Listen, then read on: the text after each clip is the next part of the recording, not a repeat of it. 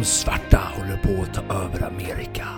Judarna försöker ta över världen genom deras giriga affärsplaner. Det är ett krig på väg. Den överlägsna vita rasen behöver samla sig mot dessa odjur och kämpa för det vita, rena Amerika. Ja, ungefär så kan det låta om du finner dig i den sortens kretsar. Ku Klux Klan på 70-talet är en av dessa kretsar. Och för att verkligen röra om i grytan så slänger vi in Colorado Springs första svarta polis på ett undercover-uppdrag i just dessa kretsar. Kontrasterna inom såväl språk, historia, tankar, beteenden och såklart hudfärg är uppenbara och stundtals väldigt komiska. Filmen vi ska snacka om idag är regisserad av Spike Lee och skriven av Charlie Watchell, David Rabonovitz, Kevin Wilmot och Spike Lee själv. Den är även baserad på boken skriven av Ron Stallworth med samma namn. Skådespelarna i den här rullen är bland annat Alec Baldwin, John David Washington, Isaiah Whitlock Jr, Robert John Burkey, Adam Driver och Corey Hawkins. Filmen är 2 timmar och 15 minuter lång, hade en budget på 15 miljoner dollar och är nominerad till hela sex stycken Oscars. Bland annat då Best Achievement in Directing, Best Performance by an Actor in a Supporting Role till Adam Driver och Best Motion Picture of the Year. Idag ska vi prata om Black Klansman.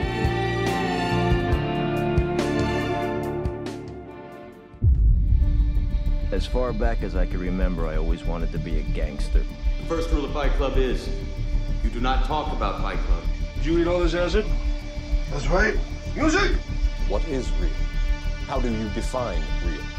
Du är leksak! More people than you think, and more people each day. This is a world getting progressively worse. Can we not agree on that? Det finns bara ett ord för sådana som du. Och det är ondska. English, motherfucker! Do you speak it? I am the danger. Get away from her, you bitch! Are you not entertained? Are you not entertained? Why so serious? Hej allihopa och välkomna till ett nytt avsnitt av Spoiler alert med mig Joel Keskitalo och pesten, plågan, pinan. Ni känner honom som den ständigt närvarande. Benjamin Gabrielsson, var du klar där egentligen? Jag tyckte det var fina ord ändå. Ja, visst var det det? Ja, men jag, hade, jag hade tänkt att fortsätta, men jag tänkte jag kan inte boosta upp ditt ego allt för mycket, utan det gäller att hålla det på en, på en mellannivå liksom. Rimligt, rimligt. Alright, idag så ska vi prata om filmen Black Klansman. Yes. Eh, jag var ju den som valde den och eh, det är egentligen ingen hemlighet och ganska logiskt egentligen varför det blev just den. Jag har ju bestämt mig för att gå in lite i den här Oscarsperioden som vi är i just nu. Ja. Så den här är ju nominerad till Best Motion Picture, det vill säga bästa film egentligen Ja. för 2018. Eh, ställs då mot eh, Roma, ställs då mot Green Book och den ställs då mot några andra. Så jag tänkte att eh, i och med att vi har poddat om några av de här, vi har sett några andra också, som också är Oscars-nominerade, så tänkte jag att ja, det är väl lika bra att fortsätta på det här tåget. Så ja, på den vägen är det. Ja, men roligt. Kul ändå. Då har ju roligt att kunna jämföra lite mer och ändå kul när vi är i sån Oscars-sväng att fortsätta den, eh, ja, den, eh, den typen av filmer. Ja, jag tänkte nämligen att vi ska avsluta det här eh, avsnittet med att diskutera av de Oscars-nomineringarna vi har sett än så länge, vilken vi personligen tycker håller upp bäst. Ja. Men vi kommer dit alldeles strax. Nu hoppar vi över till spontana tankar. Vad kände den här Benjamin Gabrielsson när han kollar den här rullen? Ja, vad kände han egentligen? Nej, men eh, jag kände spontant att jag gillade den. Det var en väldigt nice rulle. Ehm, däremot kände jag inte det där lilla, lilla extra, det där wow, extraordinära känslan som, som verkligen var sådär, jag älskar den här filmen. Det, dit kom den tyvärr inte, men det var ju absolut en, en, en sevärd och nice rulle liksom. Så. Ja, alltså jag håller med. Jag skulle vilja säga att det var en vardagsfilm plus ett ungefär. Och när jag säger vardagsfilm, då menar jag en film som råkar gå på TV6 klockan 22.00 en fredagkväll till Okej, exempel. ja. Det är för mig liksom en vardagsfilm. Och jag, alltså det är inga, jag försöker absolut inte säga att det är något illa med det, utan tvärtom. Det brukar kunna vara jävligt bra rullar då. Eh, men jag tyckte, Alltså är den i Oscars-diskussioner, och som sagt vi kommer komma in lite mer på jämförelser där lite senare. Men den, alltså för mig är den knappt i närheten av Oscars-diskussioner om jag ska vara helt ärlig. Alltså bra rulle på många sätt och vis, ganska stark rulle på många sätt och vis. Eh, men den lämnade också en dålig eftersmak hos mig som jag kommer utforska lite mer senare. Och jag tror att det tog, eh, tog bort udden lite för, för mig, vilket gjorde att den, ja, den tappade lite för mig i alla fall. Spännande. Men helt klart bra rulle, skön, rolig rulle, kul att sitta där och småskratta lite då och då. Eh, men inte det där lilla extra som du säger. Nej, ja, men det låter väldigt spännande. Jag är eager to hear what you have to say more. Ja. Om vi ska svängla till det ordentligt här Så det tycker jag. Vi, vi svänger, nej svängla sa du. Ja, för att du få sa in inte svänga in. Nej, Okej, exakt. jag trodde du var på väg att vi skulle svänga in i det, Ja, men okej. Får man vara med? Eh, Det kommer bli en del svengelska, det, det har ni som lyssnade på avsnitt redan hängt Speciellt med på. från dig. ja. Especially from yours truly. Nej men okej, vi dyker in i filmen då, och jag tänkte börja med att lyfta saker jag tycker är, eller jag, jag, så här, jag tänker inte framea det enligt bra och dåliga saker, utan jag tänker snarare bara lyfta upp sakerna som filmen lyfter upp, och sen tänker jag att vi kanske kan ha en halv diskussion om det, eller åtminstone, jag vill höra dina tankar om det. Ja. Så, filmen kretsar ju utan, alltså den gör ju ingen sak, den gör ju ingen hemlighet vid att den kretsar kring det här black versus white narrative. Vi befinner oss ju på eh, USAs 70-tal. Och eh, Martin Luther King blev skjuten ni- 68 om jag inte minns helt fel. Eh, du vet, the civil rights movement är ganska... Jag kommer ihåg att vi pratade om, i, jag tror det var i Roma-avsnittet, att 60-70-talet, inte bara i USA utan i världen över, var ganska turbulenta, turbulenta perioder när det gäller just sociala förändringar. Ja. Så här är vi ju i de här turbulenta perioderna. Så det är ju där den här filmen försöker lyfta. Så jag vill bara bolla med dig lite snabbt här nu. Vi, vi får ju alltså se ganska tydligt tycker jag hur vi har den vita sidan, då Ku Klux Klan och du vet hela det narrativet. Sen har vi den svarta sidan, du vet de här eh, Be Black and Be Proud och hela den rörelsen där. Jag kommer inte ihåg vad, vilken fana de gick under. Kommer du ihåg vad, vad den rörelsen liksom kallade sig själva? Nej, men det är väl lite Black Panther-känslan jag får, men de är ju också studenter vid universitet och liknande, så jag är inte helt säker på, på exakt eh, ja, vad de är, om de har någon liksom så tydlig det har de ju såklart, det är jag som har missat det. Men nej, jag, kan inte sätta fingret på exakt vad det var de hette eller vilken eh, rörelse de gick under. Så. Nej, men det är åtminstone, vad, vad de än kallade sig själva, det spelar egentligen inte så stor roll, så är det ju åtminstone det, vad ska vi säga, det, det är sidonarrativet i filmen. Jag, jag ser det som att vi har två spår i det här. Vi har det ena spåret med den här undercover eh, polisen då, eller de dubbla undercover poliserna kanske vi får Just det. säga. Som då infiltrerar Ku Klux Klan och gör värsta grejerna där. Och jag tänkte gå lite djupare in på det sen.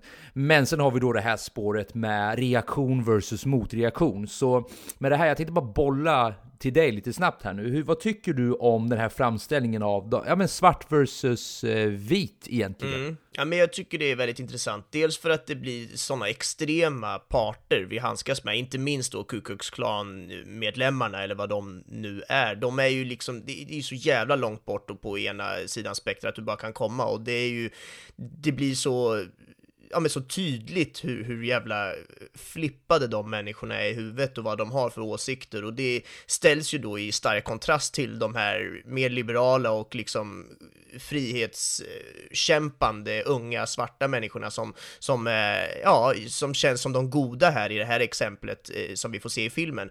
Men jag tycker också det är intressant att man ändå får se deras sätt att se på till exempel polisen, eh, alltså de svarta unga människorna här som, som, som verkligen, de känner ju att alla poliser är svin och de hatar dem och hela den biten och det kan man ju förstå i och med att det har varit så mycket hat och så mycket eh, olika polistrakasserier mot svarta och så vidare. Men det fanns ändå någonting i mig som kände att, eh, ja men, för, för när ni säger att alla de poliserna är idioter eller dumma i huvudet eller rasister, då blir ju det lite samma sak som att de säger att alla svarta är dumma i huvudet eller idioter eller ska inte finnas och så vidare. Att det blir lite det här med att när man blir så extrem åt vilket håll det än är, så blir det fel när man ingrupperar sin, sin motsats, sin motpart i att det är alla de och alla de är dumma i huvudet eller alla de har gjort fel. Eh, ja, så jag tyckte ändå det var intressant att man fick lite sån känsla eh, fr- från, från de här unga svarta människornas perspektiv också, även fast de såklart, eh, tycker jag, har mycket mer rätt och eh, ja, verkligen mer hjältar, hjältar än bovar så att säga. Ja, alltså just den här onyanserade bilden av poliser, eller Ja, onyanserade bilden av vita, eller onyanserade bilden av svarta. Alltså, om Green Book jobbade mycket med nyanserna däremellan och du vet så här, du vet interaktionerna mellan olika sorts kulturella och etniska härkomster och liknande. Ja. Så jobbar den här ganska medvetet mot extrema tolkningar Precis. av de här kulturella och etniska identiteterna. Och jag får, kommer du ihåg att jag sa i förra avsnittet att jag, jag fick en ganska jag, jag tyckte det var ganska sorgligt att när Abraham Lincoln, när du vet eh, amerikanska inbördeskriget hade slutat så pratade Abraham Lincoln mycket om att vi måste läka landet nu. Du vet, vi måste komma över den här rasfrågan. Ja. Men sen, sen blev ju han skjuten och du vet, det blev inget mer av det. När jag fick samma sorts känsla när jag såg den här filmen, fast amplifierat, fast då då tänkte jag snarare på Martin Luther King mer än vad jag gjorde Abraham Lincoln. Och då tänkte jag så här, Martin Luther Kings hela budskap var ju motsatsen till vad de här två grupperna pysslar med. Alltså de här två grupperna är ju kategoriskt motståndare mot varandra. Alltså de definierar sig ju, i början är det ju, alltså det börjar ju med hudfärgen, svart och vit, vi passar helt enkelt inte. Och sen handlar det ju om vet, alltså, bortsett från allting det du sa, jag håller med om allt du sa, de kan mycket väl ha rättfärdigat eh, hat mot vita människor med tanke på, du vet, det historiska förtrycket och allting. Ja, Den dåliga eftersmaken jag får dock av den här sortens agerande, det är att jag tror ju snarare mer på, och kallar mig idealist här, men jag tror ju mer på Martin Luther Kings linje. Och jag skulle vilja läsa upp några citat från Martin Luther Ja, han, han är för övrigt en citatmaskin. Jag rekommenderar alla att googla Martin Luther King eh, citat, för det finns alltså hundratals som är jättebra. Ja. Men lyssna på de här citaten nu, och sen bara, har du, har du den här bilden av vad som händer i den här filmen? Så här, hur de agerar i relation till de här citaten. Så ett av citaten är Darkness cannot drive out darkness, only light can do that. Hate cannot drive out hate, only love can do that. Sen har vi Love is the only force capable of transforming an enemy into a friend. Sen har vi I have decided to stick with love. Hate is too great a burden to bear. Vi har We must develop and maintain the capacity to forgive. He who is devoid of the power to forgive is devoid of the power to love. There is some good in the worst of us and some evil in the best of us. When we discover this, we are less prone to hate our enemies. Eh, jag har egentligen massa fler citat som jag kan läsa upp här, men du fattar kontentan av citaten. Ja, här. Det är att vi, vi måste lära oss att försona oss med varandra. Vi måste lära oss att förlåta våra fiender. Och är det den känslan man får av den här filmen? Nej, inte riktigt, nej. Inte riktigt nej. Och som sagt, jag tror ju inte att det inte heller riktigt är Spike Lees budskap, utan han har snarare ett politiskt budskap med det här och en, och en tydlig, du vet, eh, ja men en tydlig riktning han vill ta allt det här. Så jag kritiserar inte honom på något, utan allt jag vill liksom ranta om här är snarare att jag tycker det är tråkigt att alla de här idéerna om försoning, alla idéerna om att, du vet, älska din fiende och försöka att make peace with him och allt det där. Det är som att allt det här dog med Martin Luther King om man liksom zoomar in på den här filmen. Ja, verkligen. Eh, Eh, Jag har till exempel ett citat här i eh, början när eh, Ron Stallworth eh, konfronterar den här ledaren för, eh, jag tror han heter Kwame va? Ja. Heter han inte så? Kwame, han var ju en av ledarna för den här studentrörelsen. Mm. Eh, och då frågar han, Do you really think that there's gonna be a war between the white race and the black race? Du vet, han är också förbryllad. Han tänker wow, kommer det behöva gå så långt? Och han svarar bara kategoriskt bara Listen brother, arm yourself. It's about to be a war. Så bara för att fylla på det du började med att säga, vi jobbar verkligen med de här extrema eh, rörelserna åt båda hållen. Vi har den svarta extrema rörelsen där, hur de påstår att alla poliser är drägg. Du vet, svarta måste resa sig över det här, samlas kring våran etniska identitet, stå över de vita. Medan de vita, vi ska inte ens prata om deras attityd. Alltså nu, nu har jag så halvt bärsat att de svarta inte kan hitta försoning. Men herregud alltså, om vi skulle zooma in på de vita, där är det ju... Ja, där förstår man ju helt plötsligt var hatet från de Ja, svarta verkligen. kommer ifrån. Verkligen.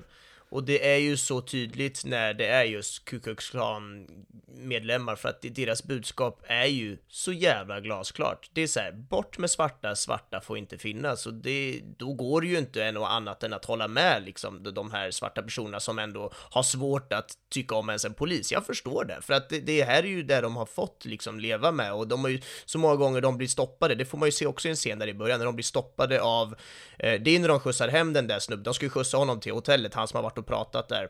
Eh, och, och eh, ja, så blir de ju stoppade då av den, eh, där här rasistpolisen som, som verkligen liksom ställer upp dem mot bilen, skrattar åt dem, kallar dem liksom n-ordet hit och dit och börjar tafsa på tjejerna. Nej, men du vet, det är så jävla äckligt och då förstår man ju. Det är svårt att tycka om en snubbe, en annan snubbe som har samma jobb som den där snubben, för att man kommer ju automatiskt förknippa honom och alla andra med det där. Så att nej, det är så jävla svårt att ställa sig och säga att någon har rätt eller fel, för att det blir ju, eller okej, okay, förlåt, Ku Klux Klan har ju fett jävla fel, det kan jag verkligen vara tydlig med, men det är svårt för mig, tycker jag, att sitta och säga att, ja men, jag tycker att de svarta inte gör riktigt rätt här och bla bla bla. Jag, jag kan typ inte säga det, för att jävlar vad de måste ha lidit och de har så mycket som de hatar som måste få komma ut på något sätt. Så att nej, det är svåra frågor, så är det ju. Men som du säger, det, det, det, det, egentligen så borde man ju, om man ska ta sitt sunda förnuft till, till förmåga här och verkligen använda det rätt, så, så ja, vi borde ju verkligen se att vi är människor och individer och inte stora grupper hela tiden. Och det är väl det som är problemet kanske.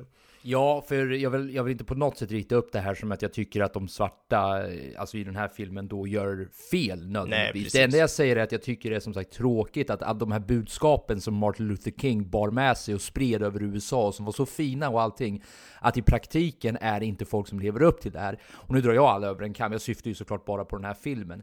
Men jag håller också med, alltså det här är väl vad som gör en sån som Martin Luther King till en sån speciell människa.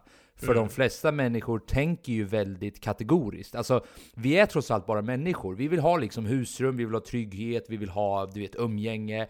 Vi är väldigt dåliga, tror jag, som, som liksom ras att hantera sådana här stora idéer. Vi, vi, kan liksom, vi kan höra dem, vi kan hålla med om dem, vi kan tycka att det låter jättebra. Men sen när det gäller att implementera de här idéerna, när du ska då, när du har blivit tafsad på, när du har sett, du vet, din bästa vän blivit sönderslagen för att han gick ute på gatan när det var mörkt ute. Alltså det är liksom sådana här exempel många svarta har att göra med. Liksom. Mm. Då är det inte lätt att, du vet, följa Martin Luther Kings råd. För vad leder det till? Det leder ju ändå bara till skit, kan jag tänka mig att många tänker. Nej, så jag håller helt med dig, det är inte en lätt fråga det här. Jag, bara, jag, jag tycker mm. det är nice att det här lyfts upp. Även om det är på ett extremt sätt, så tycker jag ändå att det här det, det, finns någonting i det här som Spike Lee försöker berätta. Det är verkligen så att det här är verkligheten för många. Trots att det är ju lite tillkryddat och det är ju satiriskt och allt det där. Men alltså exemplen, det som händer i filmen, tillkryddat eller inte, det finns garanterat värre grejer som har hänt svarta människor i verkligheten. Absolut, absolut, verkligen. Um, det är ju någonting åt det här hållet som jag både gillar och inte gillar med den här filmen, att det är väl Spike Lees kanske känsla och sätt att jobba på, men det är ju det här väldigt, väldigt, väldigt tydliga budskapet som ibland blir liksom snudd på övertydligt och ibland känns, ja men nästan lite kladdigt liksom. Uh, ja men lite som vi var inne på på Green Book också, att det finns scener och stunder där det bara känns, ah, we get it, ni måste inte trycka in det på oss uh, så hårt, men jag förstår samtidigt Spike Lee här, för han vill verkligen Ja men det är så jävla viktigt ämne och han vill verkligen trycka in det här för att det är någonting som, som är fortfarande så dagsaktuellt för oss idag och, och det är ju ja men så enormt bara viktiga frågor som vi måste prata mer om och att det här finns kvar idag, att det liksom basically inte har hänt någonting på vadå 50 år eller vad det nu är sedan den här filmen utspelar sig. Det är ju, ja det, det, så är det. det. Då förstår jag också att man bara vill trycka in det här i oss, men det är också det som får mig att känna att den, den inte riktigt flög för mig hela vägen, för jag tycker den blir lite för eh, övertydlig ibland då. Um, men kortfattat så, så gillar jag ju egentligen andra halvan bättre än den första halvan, för den första halvan känns som att den var ännu mer eh, övertydlig och framförallt ännu mer humor. Jag hade lite svårt med humor i den här filmen.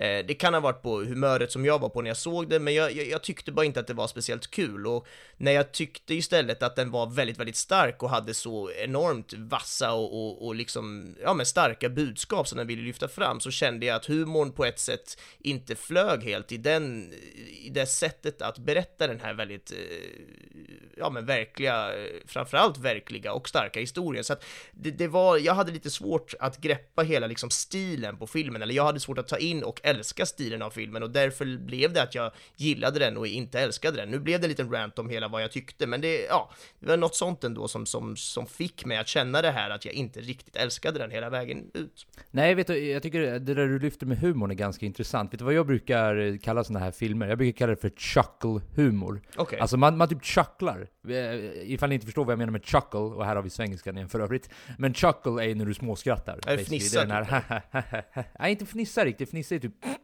Ja. Alltså jag tänker den där du bara ah, 'that's funny' that's funny. Alltså, det är kul men det blir inte kul att du skrattar liksom. Men Nej, det är okej. fortfarande Mm. över fnissande. Ja, okej. Om man nu ska gradera Wow, de här ja. olika humornivåerna. Imponerande. Eh, men chuckle, du småskrattar. Man kan säga fnissar också, men du förstår vad jag menar. Man kommer liksom inte upp till en nivå där du asgarvar. Och jag fick lite så här, jag fick lite vibbar av eh, lite så här uh, Quentin Tarantino-vibbar. Och innan du nu bashar Ja. mig, ta det lugnt. Så jag vill inte gå så långt. Men det jag tycker Quentin Tarantino gör bra, det är att han hittar humor i det brutala. Alltså det är så absurt brutala scener att Ja. det blir så här, what the fuck är det jag tittar på? Och du, och du börjar skratta åt det liksom. Jag tyckte att humorn i den här filmen var många gånger på väg åt det hållet. Till exempel, de använder ju the n-word jättefrispråkigt, och de använder de sa saker som coon och du vet, alla den här ko- kontrasten med ord som man inte, man inte använder till vardags. Mm.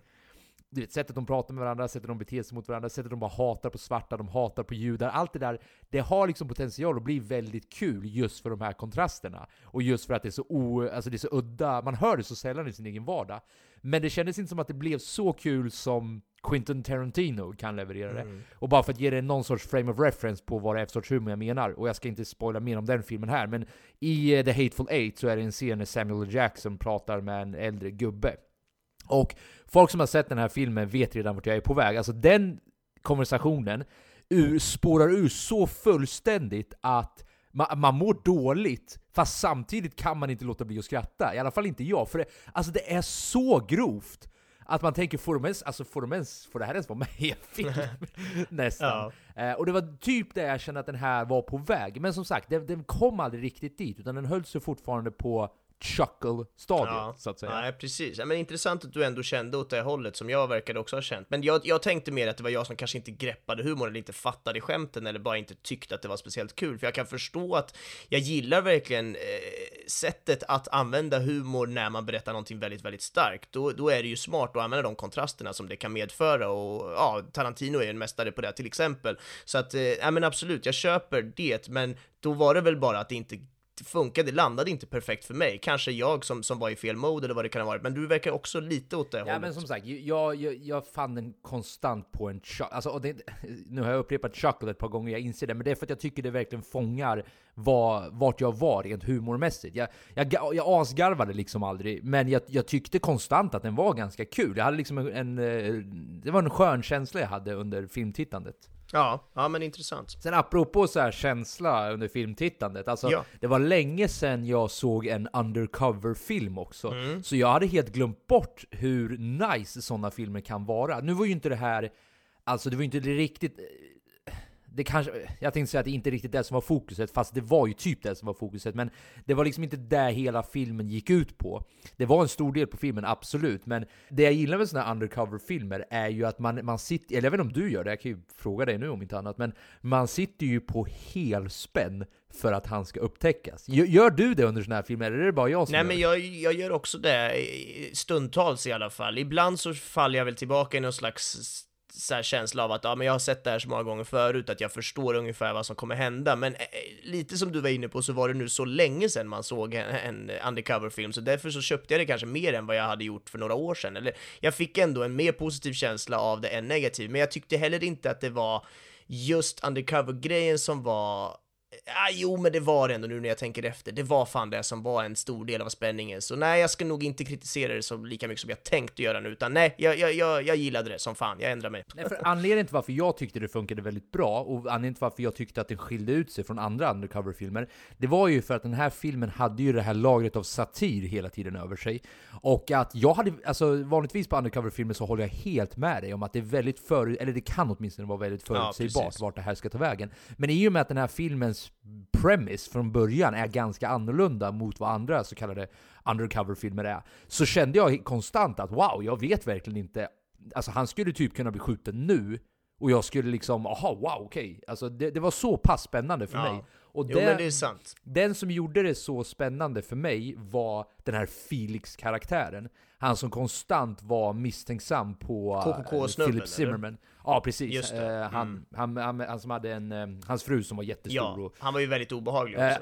han, han var ju obehaglig och han var ju anledningen till varför det blev så Ja. spännande. Bara för att han alltid misstänkliggjorde den här eh, Ron Stallworth eh, wannabe. Alltså det var inte Ron Nej, Stallworth utan Flip det var ju egentligen Philip Zimmerman. Ja, precis. Eh, Flip heter den här, precis. Han heter ju Flip ja, exakt. Jag har sagt Philip hela tiden nu. Ja, de kallar honom Flip, men jag tror han heter Philip egentligen, men de kallar honom Flip, det är hans nickname. Ah, okej, okej, okej.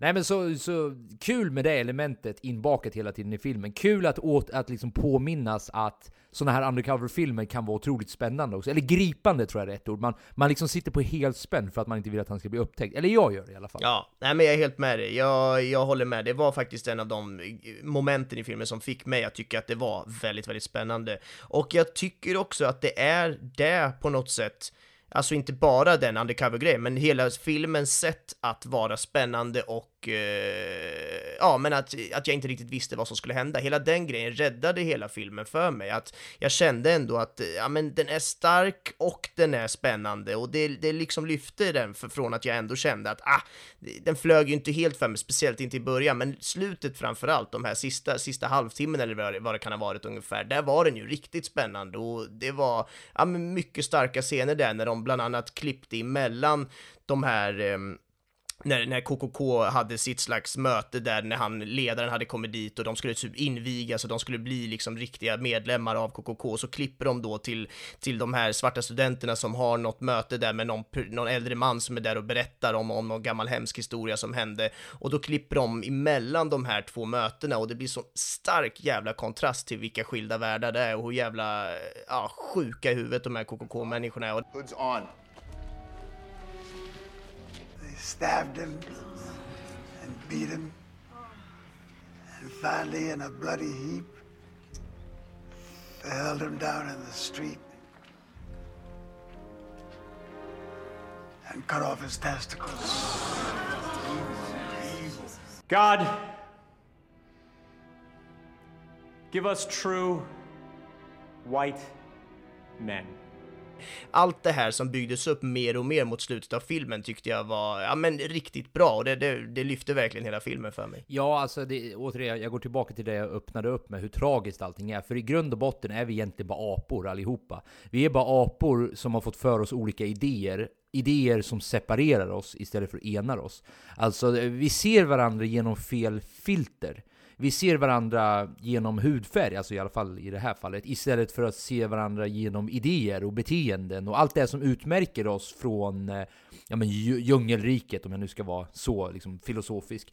Och det, det är därför jag tycker det är så, alltså, jag ser det så här när, när de här grupperingarna samlas, att de här grupperna, vare sig det är Ku Klux Klan eller svarta rörelser, vad du än liksom väljer för sorts grupp, så de täpar ju in till ett behov vi vanliga människor har. Vi har alla ett behov av att höra samman någonstans. Vi vill ha samhörighet med andra människor.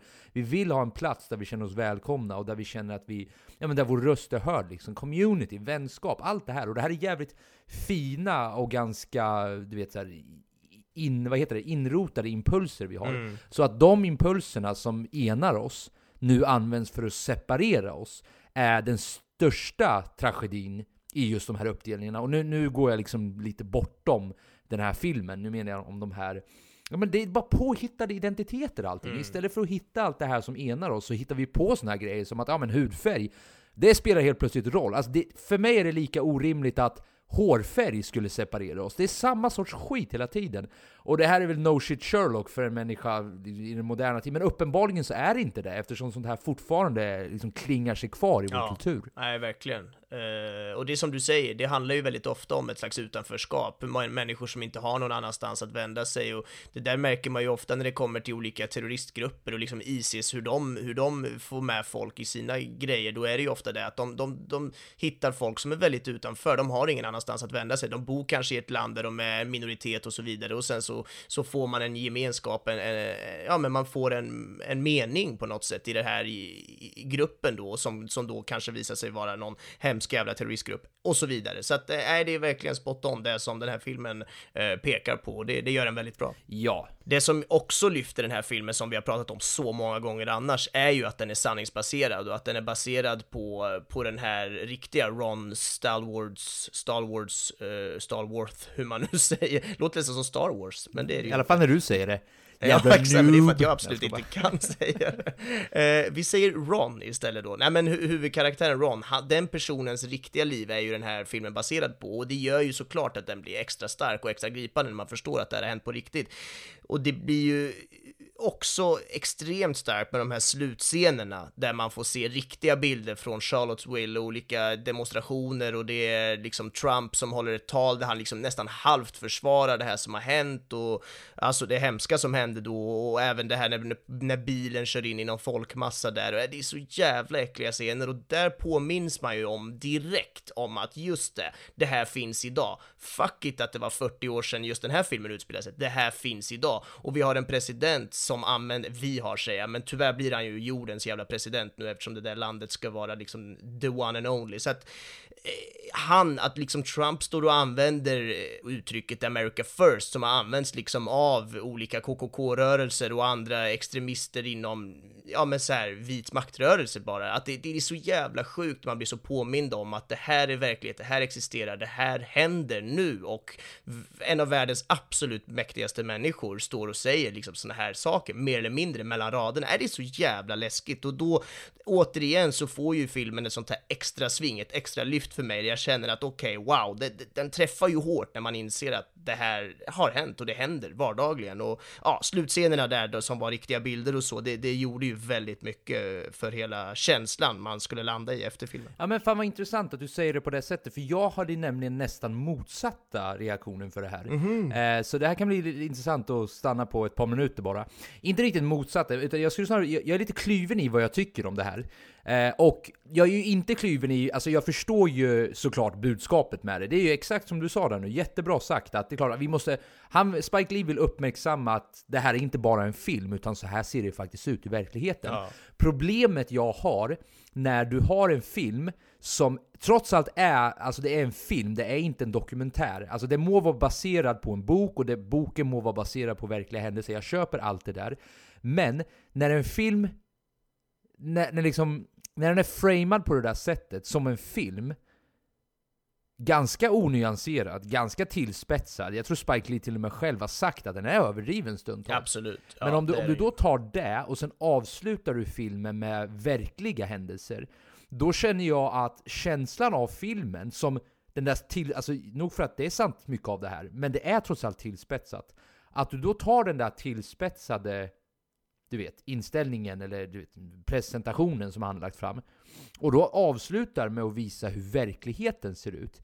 För mig blir det då att han tänker åt mig. Förstår du vad jag menar? Det blir lite som att... Det blir kontraproduktivt ja, men det, det, jag, jag får känslan av att kunde inte filmen bara vara filmen och låta mig tänka på egen hand? Förstår du vad jag menar? Ja, verkligen. Och jag, jag vet inte om min reaktion här är realistisk. Alltså jag tänker så här, jag, det kan också vara att jag är jävligt trött på amerikansk politik, för jag har följt det jävligt mycket de senaste jag vet fan, månaderna nu. Eh, men jag vill ju att en film ska vara en film och en dokumentär ska vara en dokumentär. Och när de två börjar hitta sin väg in i varandra, jag vet inte. Jag fick bara en konstig känsla efter. Mm. Och det var därför jag tyckte det var nice att du sa att, för det, det, jag håller med dig om att det är otroligt starka scener. Alltså det där är ju verk, alltså, så fort det är verkligheten och när det är sådär grova saker, det är klart att man påverkas av det. Men kan du hjälpa mig förklara varför jag fick en så dålig eftersmak efter det här? Nej men jag tror, jag tycker du sätter fingret nästan på exakt det som jag kände med hela filmen egentligen, att jag hade nästan hellre velat haft den när den är jätteseriös och kanske ännu mer baserad på den sanna historien och kanske skippa humorn som, som fick den att bli någon slags halvkomedi. För att jag ville ju mer åt det där liksom, nu är det så seriösa ämnen, låt oss ta det väldigt seriöst. Och jag tror det är väl lite där du säger där på, med slutscenen att de får ju oss att tänka att wow, det här är så här jävla seriöst, det är liksom det här händer nu, det här är riktiga bilder, det är fucked up. Och eh, det kontra då filmen med som, som på något sätt tog budskapet med med en klackspark kanske är fel ord, men du förstår vad jag menar, just att den blandade in humorn och får oss ändå liksom sitta med ett leende på läpparna under en sån stark story. Ja, men att det krockar lite, det är som jag sa där, det blir kontraproduktivt att det just, det, filmen säger någonting på ett sätt, men sen så slutar det med att säga det på ett annat sätt och ja, det kanske blev bara att det, det blev fel. Du var inställd på en annan typ av slutpunch än vad det kanske landade i tack vare de här slutscenerna. Ja, alltså jag var ju inställd på att filmen tar slut här nu. Ja. Och det gjorde den ju rent så här, alltså manuset tog ju slut. där. Ja, precis. Men som sagt, jag blev bara, jag ville bara stänga av där ärligt talat, för jag ville bara låta filmen sjunka in. Jag ville liksom inte introduceras till allt det här. Och Ja. det kanske landar lite i, jag läste faktiskt någon annan recension på det här som, som satt, som jag, nu förstår jag, jag läste bara titeln på recensionen, jag läste inte hela recensionen, men han eller hon skrev att en film som lider av identitetskris, men som ändå funkar. Och jag tyckte det var, nu när jag tänker på det, när vi har pratat om det här, jag, jag tyckte Ja. det fan, eh, så, lo- let it be on the record, det var inte vi som kom Nej. på det, det var inte du som uttalade utan jag läste det någonstans. Men med allt det vi har sagt nu och med hu- alltså humorinslag blandat med otroligt seriösa inslag och sen då i slutändan verkligheten, det gör ju att den blir ju mångfacetterad på ett sätt som den, den själv inte riktigt kanske kan hantera. Mm. Förstår du vad jag menar? Den kanske inte riktigt vet själv vad den landar i. Nej men precis, Eh. jag, jag, för mig, jag, jag tror att jag egentligen kände nog, eh, eller skulle lika gärna kunna ha känt, precis som du gjorde med de här sista slutscenerna, bara det att jag blev nog så gripen av dem och de fick mig på något sätt att landa i verkligheten och landa i att just det, det här är på riktigt och hela den Trump-grejen där och jag, jag, jag blev tillräckligt tagen av det för att glömma bort att det egentligen inte kanske funkade med resten av filmen, för att jag var redan inställd på att resten av filmen inte riktigt funkade 100% för vad jag tyckte att den här filmen hade för chans och kunde leverera. Så att, äh, men jag tror att jag, jag köpte det mer av att eh, det var så otroligt starka klipp på slutet och det, ja, jag, jag svalde det helt enkelt bara.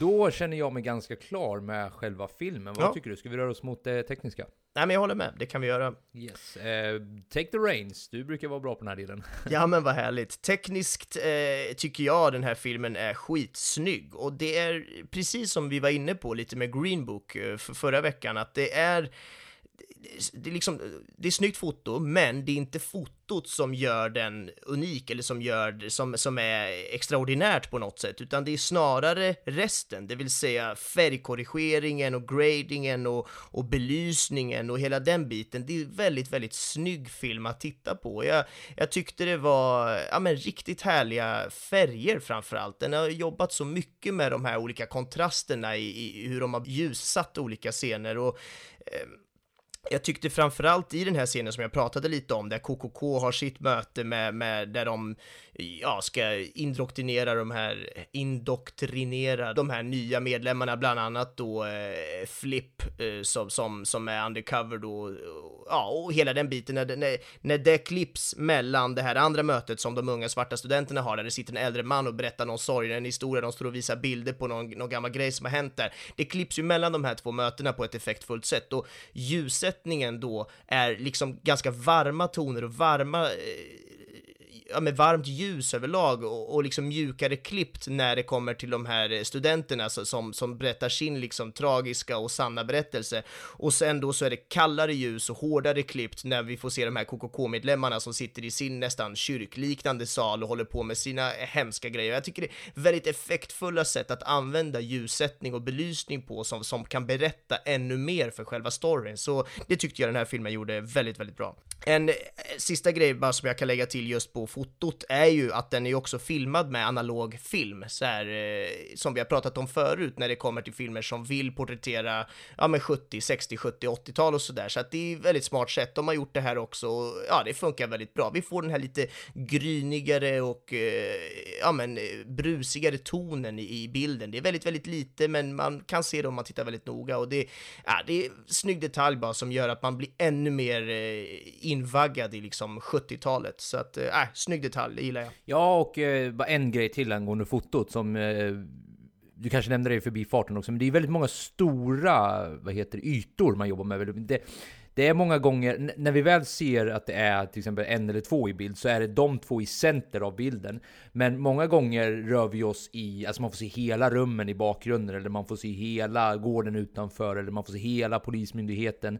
Ja, de vill verkligen få med hela bilden, och det jag tycker är nice då också är, säger man också att det är koreografi, när man får liksom bakgrundskaraktärer att agera utan att de är i fokus nödvändigtvis? Jag vet inte om det också faller under koreografi, gör det det, eller? Ja, jag antar det. Det är väl inget som, som man direkt säger att nu ska vi koreografera dem, men det Nej. blir väl det i och med att det är rörelser som ska funka ihop, så absolut. Ja, exakt. Nej, men jag tycker det också funkar väldigt bra, för många gånger Alltså det här är någonting som jag har, tack vare vår vän Sammy, har börjat zooma in lite mer på. För det här är många, någonting som fight action-filmer gör väldigt bra, i alla fall när det är fler karaktärer inblandade. Och då, Avengers är ju det bästa exemplet på det. När det inte finns någon tydlig, du vet, main-person man följer. Mm. Vem är det då man lägger fokus på? Och hur agerar de människor som inte är i fokus? Och Avengers gör ju det här hur bra som helst. Alltså är det en stor fight till exempel, då, då är koreografin så pass bra att alla, du kan titta vart du vill på bilden, och alla är delaktiga på något sätt. Det finns liksom ingen detalj som de har missat. Och det var någonting jag tänkte också väldigt mycket på när, ja men ta till exempel när alla klanmedlemmar, det är inte alla klanmedlemmar, men när klanmedlemmar samlas liksom, så vart du än tittar i bilden så vad ska man säga, det makar sense det alla gör liksom. Det, det, det, det, är trovärdigt det alla gör i bakgrunden. Det känns inte som att några två sitter bara och snackar skit, utan det känns som att de är verkligen involverade i vad de än sitter och diskuterar liksom. Mm. Det var bara en, en minispaning jag hade som jag Ja, men jättehärligt. Eh, jag skulle bara vilja lyfta upp lite snabbt eh, skådespeleriet. Är det OK om jag Ja. bara snör in lite snabbt på det? Absolut, det var min nästa Eh, punkt. För jag hade nämligen, jag måste lyfta upp Adam Driver alltså. Japp. Eh, alltså jag, jag, ge mig bara en liten kort, låt mig kontextualisera det här lite snabbt bara. Jag tappade nästan hoppet för att Adam Driver skulle kunna, alltså han, för mig fastnade han, när han försvann in i Star Wars-filmerna, Ja. som jag för övrigt inte tyckte att han var speciellt bra i heller. Jag tyckte ärligt talat inte att han funkade så bra i Star Wars, men jag var ändå rädd för att nu är han Kylo Ren för mig. Mm. Jag kom, för det var det jag var orolig för när jag såg vilka som var med i den här filmen, att okej, jag kommer inte kunna se bortom Kylo Ren. Men det är snarare tvärtom. Alltså, hans eh, performance i Star Wars är ju skrattretande mot hur bra han var i den här filmen. Ja. Och jag vet inte om det är regissörernas fel, eller om det är hans fel, eller om det är bara mitt fel. Att Ja, jag ser Star, inte... Förlåt, ja men Star Wars är väl också ett sånt, sånt medium. Där har du ju inte chans kanske att kunna bredda ut dig som skådis på samma sätt. Du är mer låst i den stora jätteproduktionen där allt ska vara på ett visst sätt, tänker jag. Jag håller med dig halvvägs där. Ja. Jag, jag, I don't dispute what you're saying, men jag tycker att det, det måste ha funnits mer spelrum än sådär. Jag tycker att han blev alltså, rakt av löjlig, ärligt talat. Nu bashar kanske Star Wars överdrivet mycket, det var ett tag sedan Ja. jag såg det. Men ja, alltså, det, och det kanske också handlar om kontrasten i hur han är i den här filmen. Skitsamma, allt det här är en hyllning till Adam Driver. Han är tveklöst bäst i den här filmen tycker jag, utan tvekan. I nästan alla scener tycker jag han är briljant. Det är ett par scener jag tycker det blir lite cheesy, och jag vet inte om det beror på du vet, manuset eller om det beror på honom. Så ja, Adam Driver, big thumbs up. Ja, nej, jag kan inte annat än instämma. Jag har skrivit upp honom här också i mina anteckningar. Jag tycker han gör ett fantastiskt jobb. Jag har ju inte sett honom i så mycket andra grejer innan. Jag har ju sett Star Wars och när han är Kylo Ren och jag har inte så mycket att lägga in i värdering där heller i och med att jag inte är ett eh, äkta true fanboy av Star Wars. Men jag tycker att han gör något helt fantastiskt i den här filmen och jag vet inte riktigt vad det är. Alltså, han känns väldigt naturlig och eh, autentisk i sitt skådespel och det känns som att jag verkligen jag köper det han gör otroligt mycket. Inte för att jag tyckte att någon annan var liksom dålig, men det är bara det att han känns mycket vassare. Han är bara riktigt jävla bra. Men jag tror att det kanske kan handla om ett litet metaskådespeleri här. Precis, att det, there are layers to this shit. För jag tänker att karaktären spelar ju också en roll. Exakt. Vilket gör att han får ju gå in i en dubbel eh, skådespelarroll. Så det kanske är det som gör att han, liksom, han är över vad han brukar vara. För Ja. jag, jag har också svårt att sätta finger på vad det är. Jag bara, jag bara fann att jag, jag bara njöt varje gång. Det var lite som, och jag, jag tycker fortfarande Viggo Mortensen faktiskt gjorde, där, det är en annan grej där, för han, det blev bara en annan person ärligt talat. Mm. Eh, Men det var lite samma känsla där också, att jag fick att jag ville bara vara i, du vet, i samma rum som han. Jag ville bara Ja. fortsätta se scener med honom. Och det var väl för att han, ja, han gjorde ett så bra jobb helt enkelt med sitt dubbelskådespeleri. Liksom att å ena sidan är han en polis, Flip, Philip. Å andra sidan så är den polisen Ron Stallworth också. Precis, precis. Nej, jag, kan inte annat än instämma, jag ska inte försöka säga något annat för det kommer bara bli återupprepningar. Men han var riktigt jävla bra. Han blev ju också nominerad för bästa manliga biroll, så det är Precis. möjligt att han får en, eh, ett pris för det också. Sen en annan skådespelare jag bara vill lyfta fram lite snabbt är, och det är inte John David Washington som, eh, som Ron Stallworth, för jag tycker att han, han gör ett bra jobb liksom. Jag har varken plus eller negativt att säga där. Jag tycker faktiskt att Toff, Topher Grace, jag har svårt att uttala det namnet, han som spelade David Duke. Har du sett någon intervju med David Duke? Nej. Eh, Har du sett, det är den här KKK, Grand Wizard of the KKK, han som man pratar i just telefon det, med. han ja, ja precis. Har du sett hur David Duke ser ut? Jag tror man får Ja, se jag det såg en det bild. Ja. Så, Ofta inte det där är nailat, eller är det bara jag som, Jo, som är nej, lurad? men han var väldigt lik. Ja, jag har inte sett intervju, men det kan väl du tala om då? Ja, jag har inte sett är. jättemycket av honom om jag ska vara helt ärlig, men av det lilla jag har sett så, eh, alltså det där är David Duke alltså. Ja, vad häftigt. De hittade rätt skådespelare, de gjorde rätt sorts makeup, de... eh, Jag har en intressant spaning i, som jag ska ta upp sen i trivian Mm, angående det här. spännande. Men eh, ja, av alla skådespelarinsatser så är det just de två jag tycker ska... De, de gjorde något extraordinärt, för Ja, mig i alla fall. Vad roligt, kul. Jag tänkte inte lika mycket på, på han som du nämnde nu, som jag inte ens kommer ihåg vad han heter, men... ehm, Topher Grace. just det. Sen, vi brukar ju obviously, i och med att det faller under det tekniska, prata om musiken. Ja. Och eh, konstigt nog så har jag ärligt talat inte... Jag har inte så mycket att säga om musiken ärligt talat. Jag vet inte, har, har du någonting du kan lyfta som du tycker var värt att... Alltså inte direkt, jag antar att den kanske inte träffade oss sådär riktigt eh, bra på något sätt då, i och med att ingen av oss har någonting vi vill, vill direkt lyfta om den, men nu när jag tänker efter så känns det väl som att den var väl ganska rätt i tid så att säga. Det var ju lite 70-talskänsla, det var spänningsvibe, det var lite polis-vibes, det var, den, den fångade väl ungefär det man ville att den skulle fånga. Eh, men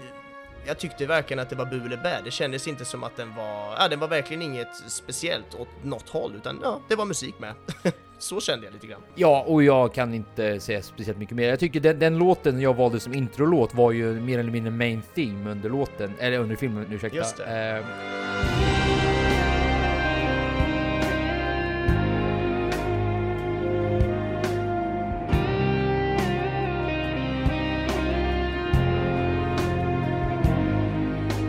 den tycker jag alltså, och jag har sagt det här, jag har använt just de här orden väldigt mycket, men det funkade. Det funkade väldigt bra. Det var liksom varken plus eller minus vill jag säga, utan Ja. den låg på en ganska lågmäld plan hela tiden och kanske invig, eller liksom invaggade oss i den här 70-talskänslan, ja, som vi nu befann oss vid under filmen då. Så den, den gjorde det den skulle liksom. Ja. Den som att det är en, som att det är en person, eller entitet typ. Mr. Men Song. musiken. Ja, eller hur, precis. Mr Music. Ja, nej men med det sagt, vad säger du? Ska vi eh, dra lite slutord och favoritscen kanske? Det tycker jag, absolut. Okej, låt oss eh, summera upp det då. Och här tänker jag också att vi kan prata om eh, Best Motion Picture of the Year och dra en liten snabb jämförelse med de filmer vi har sett redan. Och då tänker jag inte de filmer vi har sett generellt, utan de filmer vi har sett och poddat om. Eh, så, vad jag har förstått så har vi då Roma, vi har Black Klansman och vi har Green Book. Missar jag någon då? Inte av de som vi har poddat om. Vi har ju sett flera av de där filmerna, men inte poddat om. Eh, vad tycker du då om du ska lägga de tre mot varandra? Och har du något kort resonemang varför? Ja, men för mig är det nog ändå Roma. Eh, jag tycker den sticker ut i hur den är så extremt autentisk och bara sådär verklighetsnära. Den är ju, där flugan på väggen-grejen för mig vinner det där. Det blir så stark på det där enkla sättet som gör att jag, nej, jag tycker den är självklar i, i den kategorin. Vad kul, för jag tycker ju inte det. Jag har ju faktiskt, jag håller mig ju kvar vid Green Book och jag tror jag vet varför. Minns du att jag sa att jag tyckte Roma var lite tråkig? Ja, absolut. jag tror att jag färgas ganska mycket av det. Jag tror, eller jag hoppas, personligen tycker jag Green Mm. Book var bäst av de här. Men jag tror att Black Klansman kommer vinna. Och kalla mig bias nu, men jag tror att den är så Hollywood och den är så det sortens budskap Hollywood vill liksom lyfta. Och Ja. det är många som har, jag, jag vill absolut inte gå in i den här diskussionen, men jag vet att det finns en stor kritik mot att Hollywood är väldigt politisk. Mm. Och jag tror att Alltså blir den här vinnare, då tror jag den kommer föra så mycket arga diskussioner online, så det är bara ta, ta popcorn och du vet, luta dig tillbaka och njut av allt hat. Ja, absolut. Ja, men jag är också inne på det. det. Det är, den här har ju så många olika politiska budskap som den lyfter på ett väldigt bra sätt, och det, det är Hollywood svaga för, så är det ju. Så att den är absolut en stark kandidat där. Jag tänker att det där får vara vårt slutord om själva filmen, så har du någon favoritscen du vill lyfta upp som du tyckte stack ut? Ja, det är ju svårt, det har jag ju sagt en miljard gånger, men det... Ah, det Ja, du hör ju svårt, jag kan knappt få ut orden här, men det, det står mellan två scener och jag tror jag vet vad jag landar i. Men jag, så här, scenen som jag har tjatat om ett par gånger nu redan, där vi klipper mellan de här olika mötena, alltså KKKs invigningstjosan och de här eh, svarta studenterna som har en äldre man där som sitter och pratar om någonting. När det klipps mellan dem, jag tycker det var väldigt, väldigt starkt och snyggt gjort och bara härligt på, på så många sätt. Härligt är ju fel ord såklart eftersom det är mörkt, men du förstår vad jag menar. I min filmiska analys så tyckte jag det var härligt hur de har gjort det och eh, den, den fångade mig, det var starkt. Men jag tycker ändå att det finns en annan scen som blir så jävla konstig och därför den är så märklig och därför vinner den. Och det är scenen när den här snubben som du nämnde, som jag absolut inte kommer ihåg vad han heter, eh, han som all, aldrig riktigt trodde på att eh, han den där var... Felix hette ju Felix, precis. När han ligger i sängen med sin fru och de ligger och kaddlar, vad heter det, kelar liksom i sängen och har en sån här vanlig liten love-mysstund och sitter och ligger och pratar romantiskt om deras liv och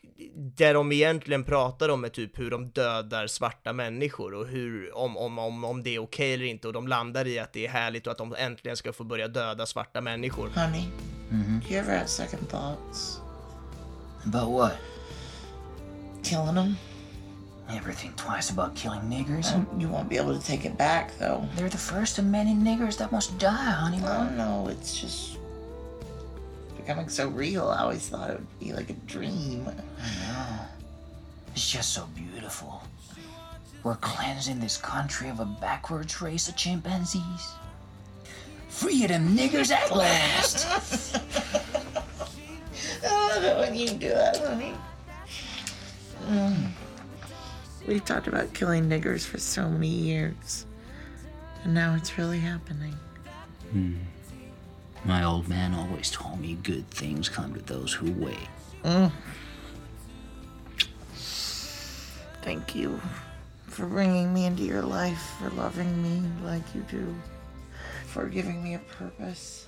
Och den scenen blir så jävla absurd med tanke på att det är liksom en vanlig gosig kärleksscen och man kan verkligen känna kärleken i rummet. Det är en fin scen, med undantaget då till att det de pratar om är helt jävla absurt och det blir så extrem kontrast där och jag tyckte den, ja men det, det, det, det blev någonting extraordinärt eh, just där då för att det, det, det var så konstigt så att jag landar nog i den. Fan vilken, vilken nice nominering ärligt talat, jag hade faktiskt inte tänkt alls på den scenen. Alltså jag, jag, såg den och jag tog in den och allt det där men det har rätt i, den stack ut verkligen. Ja, men just för att den blir så På ett väldigt udda sätt, det är ja. väldigt svårt att placera ja, den. sjukt svårt, jag tror det är därför jag landar i den också. Men vad tycker du? Nej, jag landar ju vid den första scenen du pratade om. Jag tycker det var otroligt mäktigt att se hur den skiftade från du vet, Ku Klux Klan och initiationsceremonin där och ja. hur den här svarta Ja, han är en gubbe, let's be honest. Den svarta gubben berättar om den här hemska incidenten med lynchningen av den här stackars, det var väl en handikappad svart som inte kunde förstå, ja det var ju bara brutalt. They cut off his fingers and threw coal oil all over his body. They lit a bonfire raised him, lowered him over these flames, over and over and over again. Ron Stallworth, are you a white, non Jewish American citizen? Yes, I am a white, non Jewish American citizen. Jag började nästan gråta Ja, när det jag var hörde det, för jag, extremt. jag jobbar ju med funktionshindrade, så jag, jag började nästan gråta nu när jag, när jag pratade. Ja. Men jag kunde verkligen se missförståndet från början där, för här har vi också en grupp som varit marginaliserad genom historien, funktionshindrade, som inte har någon, de har ingen som kan försvara dem. Är du då dessutom svart Ja. på den tiden, Och få, alltså wow, vilket jävla Ja, öde alltså. Så ja, otroligt stark scen och den gick verkligen hem för mig. Men många scener när Felix är han på spåren också, den där spänningen Mm, jag pratade om mm. tidigare, kunde jag också nominera. För jag tycker ju, om det är någonting som jag verkligen gillar i filmen så var det ju påminnelsen, oj nu tappade jag pennan. eh, så var det ju påminnelsen om hur nice undercover-filmer kan vara i just den här spänningen. Ja, ja men väldigt bra. Kul. Alright, då ska vi gå vidare till lite trivia, a.k.a. Ja. lite roliga fakta om den här Det filmen. är du som har tagit fram dem den här gången. Det är jag som har tagit fram dem här nu. Och eh, som jag sagt tidigare, de finns ju på IMDB, det är bara att ni eh, klickar in er på filmen. Och du kan ju förklara hur man hittar dem. Ja, man klickar in sig på filmen och så finns det en knapp som heter Trivia och eh, när man klickar på den så kan man scrolla ner och så finns alla eh, fakta där. Jag vill även försvara det lite, för varför vi säger det på det här roliga sättet är ju för att i förra podden så, så bärsade jag på att du alltid säger fel på hur man hittar de här. Men till ditt försvar så var jag inne i min telefon och kollade och då räcker det med att man scrollar ner på själva filmen så finns det lite trivia där. Så att det fanns en liten poäng i ditt felsägande Vi, vi kan ju låtsas att jag hade koll på det, så att jag är helt... För det helt hade du ju obviously inte. Ja, det hade jag. In- Ingen aning, ingen aning. Det var bara en felsägning alla gånger. Härligt. Nej men okej, ehm, jo ett par stycken då. Eh, apropå det här, eh, jag, jag nämnde ju Toffer Grace, att jag gillade hans eh, David Duke, eh, karika, vad säger man, David Duke skådespeleri. Ja. Eh, och i och med att David Duke är den han är, det vill säga The Grand Wizard of the KKK, alltså ledaren av Ku Klux Klan, så blev ju han så deprimerad tydligen efter att ha gjort den här rollen, att för att, för att rena sig själv så tog han sig an alla, alltså han- han tog tydligen alla The Hobbit-filmerna från Peter Jackson och klippte ihop dem till en två timmars film. Och jag försökte hitta mer info om det, jag fattade ingenting. Bara, vad fan betyder allt det här? Men det var tydligen hans sätt att liksom så här rena sig själv. Det är en så konstig grej. Det låter ju helt fantastiskt också att han ska liksom sätta sig i någon källare där och bara men nu ska jag redigera Ja, exakt, om det var de exakt här. så jag föreställde mig också. Jag föreställde mig att han typ kliade sig på huvudet, han typ så här rakat sig, jag kommer aldrig mer ha en mustasch. Du vet, så han har en helt annan hår, helt annan frisyr och bara okej. Sen sitter han du vet fyra dagar i sträck och bara klipper, klipper, klipper. Sen när han kommer ut är han en helt ny man. Åh vad roligt, Ja, det var underbar lite grej. Ja, och sen vidare då. Tydligen så enligt film, eh, ja, eh, så fanns det inga eh, borttagna scener från den här filmen. Wow. Ja, är Och det är tydligen ovanligt. otroligt ovanligt. Ja, Ja. Så, ja, värt att lyfta upp. Välplanerad. Vidare mot David Duke då. Han ringde ju tydligen Ron Stallworth för att säga att han var inte alls nöjd med hur han porträtterades i den här filmen. Men han sa samtidigt också att han respekterade regissören Spike Lee. Eh, och han var också lite besviken över att filmen inte följde boken så pass bra som han tydligen vill. Jag, jag, det ska ju sägas direkt att jag har inte läst boken och jag antar att du inte heller har läst boken. Nope. Jag bara får för mig att du inte har gjort det. Väldigt korrekt. Eh, så ja, det, det var åtminstone en kritik han hade i alla fall. Eh, och en liten eh, rolig, ja, jag vet inte varför det är roligt egentligen, men John David Washington är Denzel Washingtons eh, Ja, son. Det läste jag någonstans också. Eh, vilket Det är kan vara lite kul. Och eh, bara för en liten connection mellan de två, Spike, eh, eller Denzel Washington har ju tydligen varit i, eh, jag tror fem, eh, nej fyra Ja, om filmer. inte ännu mer, eller? Det, du kanske Nej, har det fy, fyra dig. filmer ja. av Spike Lee, det var nästa trivia där de satt Ja. ihop med varandra, det var därför jag stannade upp lite. Men ja, så, För det känns som att de har jobbat många gånger tillsammans. Ja, precis. Eh, och eh, en sista då. Eh, Spike Lee fick en sex minuter stående ovation efter att den här filmen Mm. hade visats på Cannes Film Festival. Starkt. Mm, det är lite häftigt också. Och det var egentligen allt vi hade. Som sagt, det finns mer trivia om ni klickar in på filmen. Jag tänker inte ge er instruktioner för Benjamin gjorde det så bra. nu, Benjamin, Ja. ska vi göra den busiga vi gjorde förra gången. Du ska säga till våra kära lyssnare vilken film nästa vecka film kommer att handla om. Och du har redan bokat biobiljetter för oss båda, men jag har ju ingen aning om vilken film det är. Så Nej. jag kommer nu, under ungefär 5-10 sekunder, ja 5 sekunder räcker nog, eh, ta med hörlurarna, hålla för öronen och låta dig berätta för våra lyssnare vad nästa film är. Yes. Så ge mig en sekund, jag tar av mig hörlurarna nu. Nästa veckas film blir The Favourite, som är bioaktuell just nu och är nominerad till 10 Oscars. Det är du Joel, när du väl lyssnar på det här någon gång i framtiden. Okej, jag är tillbaka. Jag Härligt. hoppas att du hann eh, säga vilken film det var under den här Jag tiden. Jag gav dig ett par sekunder extra. saker. Jag snackar massa Oj, skit om dig till lyssnarna. Ni hör vad jag har att hantera, kära lyssnare. Ni hör vad jag hanterar. Men då så, då tackar vi för oss. In och gilla, kommentera, ja, Ja. skriv vad ni tycker helt enkelt. Facebook-sidan, Dela. spoiler alert heter den va, eller hur? För det är kanske inte alla som har koll på att vi har en sån.